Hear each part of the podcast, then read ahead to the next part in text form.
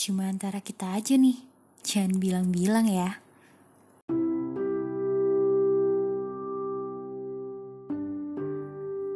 Besok Sabtu 10 Oktober itu bertepatan sama Hari Kesehatan Mental Sedunia. Dan sebagaimana lo tahu, belakangan ini perkara kesehatan mental juga jadi hal yang cukup disorot. Makin banyak orang-orang yang vokal dan berani speak up di media sosial tentang isu ini. Gue sendiri sebelum bikin podcast ini sempat bikin sebuah inisiatif di bidang kesehatan mental. Tapi harus gue akui, ketika itu ngangkat sesuatu yang cukup, hmm, apa ya, bisa dibilang butuh expertise tertentu, gue nggak bisa ngelakuinnya sendiri. Wewenang gue buat bicara di bidang itu harus didukung sama teman-teman yang emang udah punya lisensinya gitu. Dan jujur, dibarengin juga sama kerjaan gue yang tiap hari yang cukup padat, mau nggak mau, gue harus menangguhkan inisiatif itu dulu lah. Tapi gue pribadi bisa dibilang sebagai salah satu yang cukup banyak speak up juga di uh, Twitter terutama, Twitter personal gue soal kesehatan mental. Karena ya sebagai salah satu orang dengan mental health issues yang juga belajar psikologi, gue ngerasa we need to talk more about this. Karena kesehatan jiwa itu sama pentingnya sama kesehatan fisik. Dan spesial untuk episode ini, gue akan ngebacain salah satu pengalaman struggling teman gue. Jadi sebelumnya, kemarin gue sempat throw the question di Instagram pribadi gue nih. Gue tanya, siapa nih kira-kira di antara teman-teman yang mau berbagi kisah survival mental health-nya mereka di podcast ini? Dan masuklah beberapa. Salah satunya cerita ini. Tapi orangnya request untuk gue aja katanya yang bacain karena dia pengen anonim dan dia pengen suaranya juga nggak ketahuan gitu so yeah sit back and relax ini dia ceritanya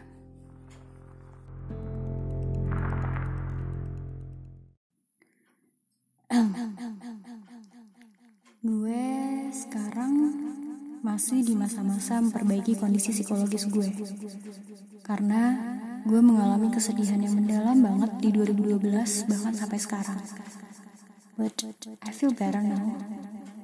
Semua berawal dari tahun 2012 pas gue memutuskan untuk nikah. Tapi pernikahan gue gagal. Dan di sana gue ngerasa sia-sia banget. Sia-sia semua yang udah gue lakuin demi pernikahan gue selama satu tahun. Akhirnya gue mutusin untuk pisah dan gue berhasil membesarin anak gue sendiri 6 tahun. Ya, yeah, I'm a single fighter. Gue ngerasa gue ngelakuin semuanya sendirian. Dari mulai nafkain anak, orang tua, dan pastinya dari gue sendiri. Apa gue bahagia? Ya, gue happy.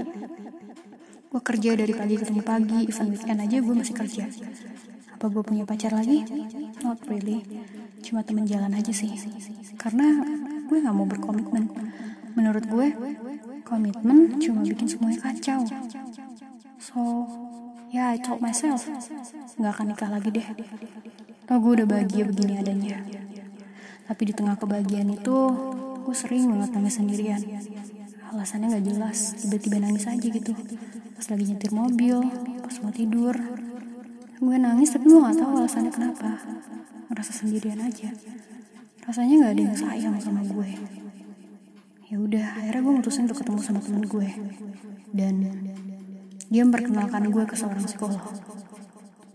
Gue konsultasi sama psikolog itu seminggu sekali apa ya gue jadi ngerasa kayak punya temen sih ada yang merhatiin ada yang dengerin nggak sendirian lagi tapi ternyata tuh nggak berjalan lama karena masalah waktu yang kalah sama kerjaan frekuensi konsultasi juga berubah jadi cuma sebulan sekali nah setelah udah berubah jadi sebulan sekali itu psikolog gue udah nyaranin gue tuh untuk nulis.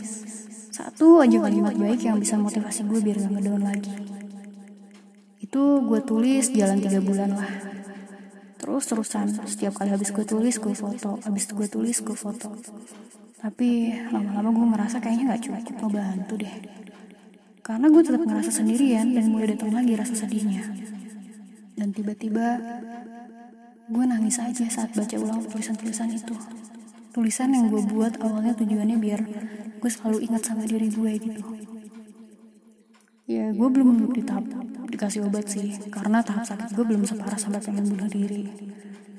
Gue coba buat ikut kajian ibadah tapi ya masih bolong-bolong. Dan tiap habis ibadah menjelang tidur perasaan yang sama selalu muncul. Gue ngerasa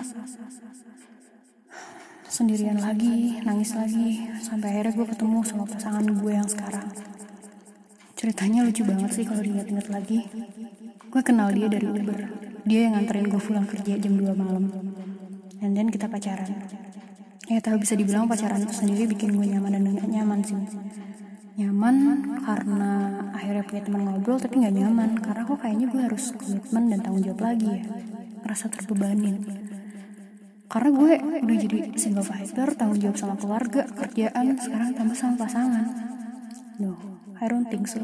Akhirnya gue bilang sama dia cari aja deh yang lain, gue gak mau nikah. Dan gue gak pengen punya anak lagi, that's it. We fought a lot. Kita berantem sering banget. Gue lalu bilang sama dia, gue takut kecewa kalau gue nikah lagi. Gue takut ngerasa terbebani, terutama urusan anak. Tapi lalu waktu berjalan dan tanpa gue tahu, dia ngontak psikolog gue. Dia cari tahu gue psikolog itu kenapa gue suka nangis, kenapa suka marah tiba-tiba. Dan gue nggak tahu ya obrolannya gimana, tapi kayak psikolog gue nyaranin intinya jangan bicarain hal berat lah sama gue harus jadi partner yang menyenangkan. Psikolog gue juga nyampein sih ketakutan gue akan pernikahan itu sendiri. Dan akhirnya gue tahu kalau dia nanya-nanya ke psikolog gue tanpa sepengetahuan gue. Marah besar lah gue, gue teriak, gue nangis, gue ngerasa kenapa ya dia diem-diem tanya soal gue ke psikolog gue gitu, kayak gak sayang sama gue. Gue gak suka, gue ngerasa fine-fine aja, gue bukan orang gila, gue udah cukup happy dengan yang gue sekarang, kerjaan, teman, anak, for me that's enough. Lalu singkat cerita setelah badai ini tuh menikahlah kami beneran. Pernikahan kedua, kedua gue. Apakah berarti gue udah gak takut soal nikah lagi? Nope. Gue cuma mikir menikah mungkin bisa ngurangin beban dan tanggung jawab gue sama anak kali ya.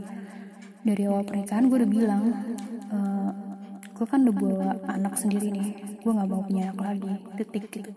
Tapi pasangan gue insist pengen punya keturunan dari gue and then it happened ya udah tapi gue bilang satu dan itu udah cukup waktu masa kehamilan anak gue yang ini sih gue ngerasa mood swingnya parah banget ya. Walaupun dokter bilang jangan stres tapi ya gimana gue nggak stres? Coba gue kehilangan kerjaan pas gue hamil 7 bulan. Gue ngerasa lagi dan lagi gue ngerasa hidup gue berubah berantakan kebahagiaan gue hilang malah muncul beban baru tanggung jawab baru dan itu mengerikan banget buat gue. Terlebih dengan perasaan takut gagal lagi. Takut banget gue sempat ngerasa bener-bener pengen kehidupan gue balik kayak sebelum nikah. Sekerja bisa beli apa yang gue mau bisa ketemu sama teman-teman kapan pun. Itu bikin gue happy walaupun gue tahu itu cuma sesaat. Karena setelah gue balik ke rumah gue akan ngerasa sepi dan sendirian lagi. And then ada satu kejadian lainnya yang bikin gue ngerasa ngedrop lagi sih. Gue ngerasa nggak dihargain gue ngerasa disia-siain. Pasangan gue selingkuh dan gue tahu itu gue jadi ngerasa ya itu kan bener kan apa yang gue bilang apa yang gue rasain. Nggak ada yang bener-bener sayang sama gue kecuali diri gue dan anak gue jujur anak gue emang buat gue banget sih. Gue jadi sulit percaya sama orang sekarang.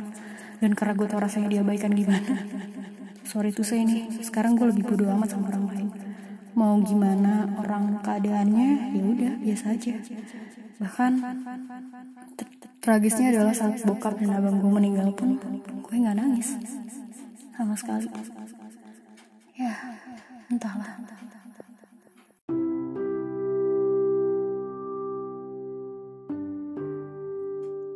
so that was the story Diam-diam ternyata banyak banget di sekeliling gue, sekeliling kita yang sebenarnya menyimpan lukanya mereka sendiri.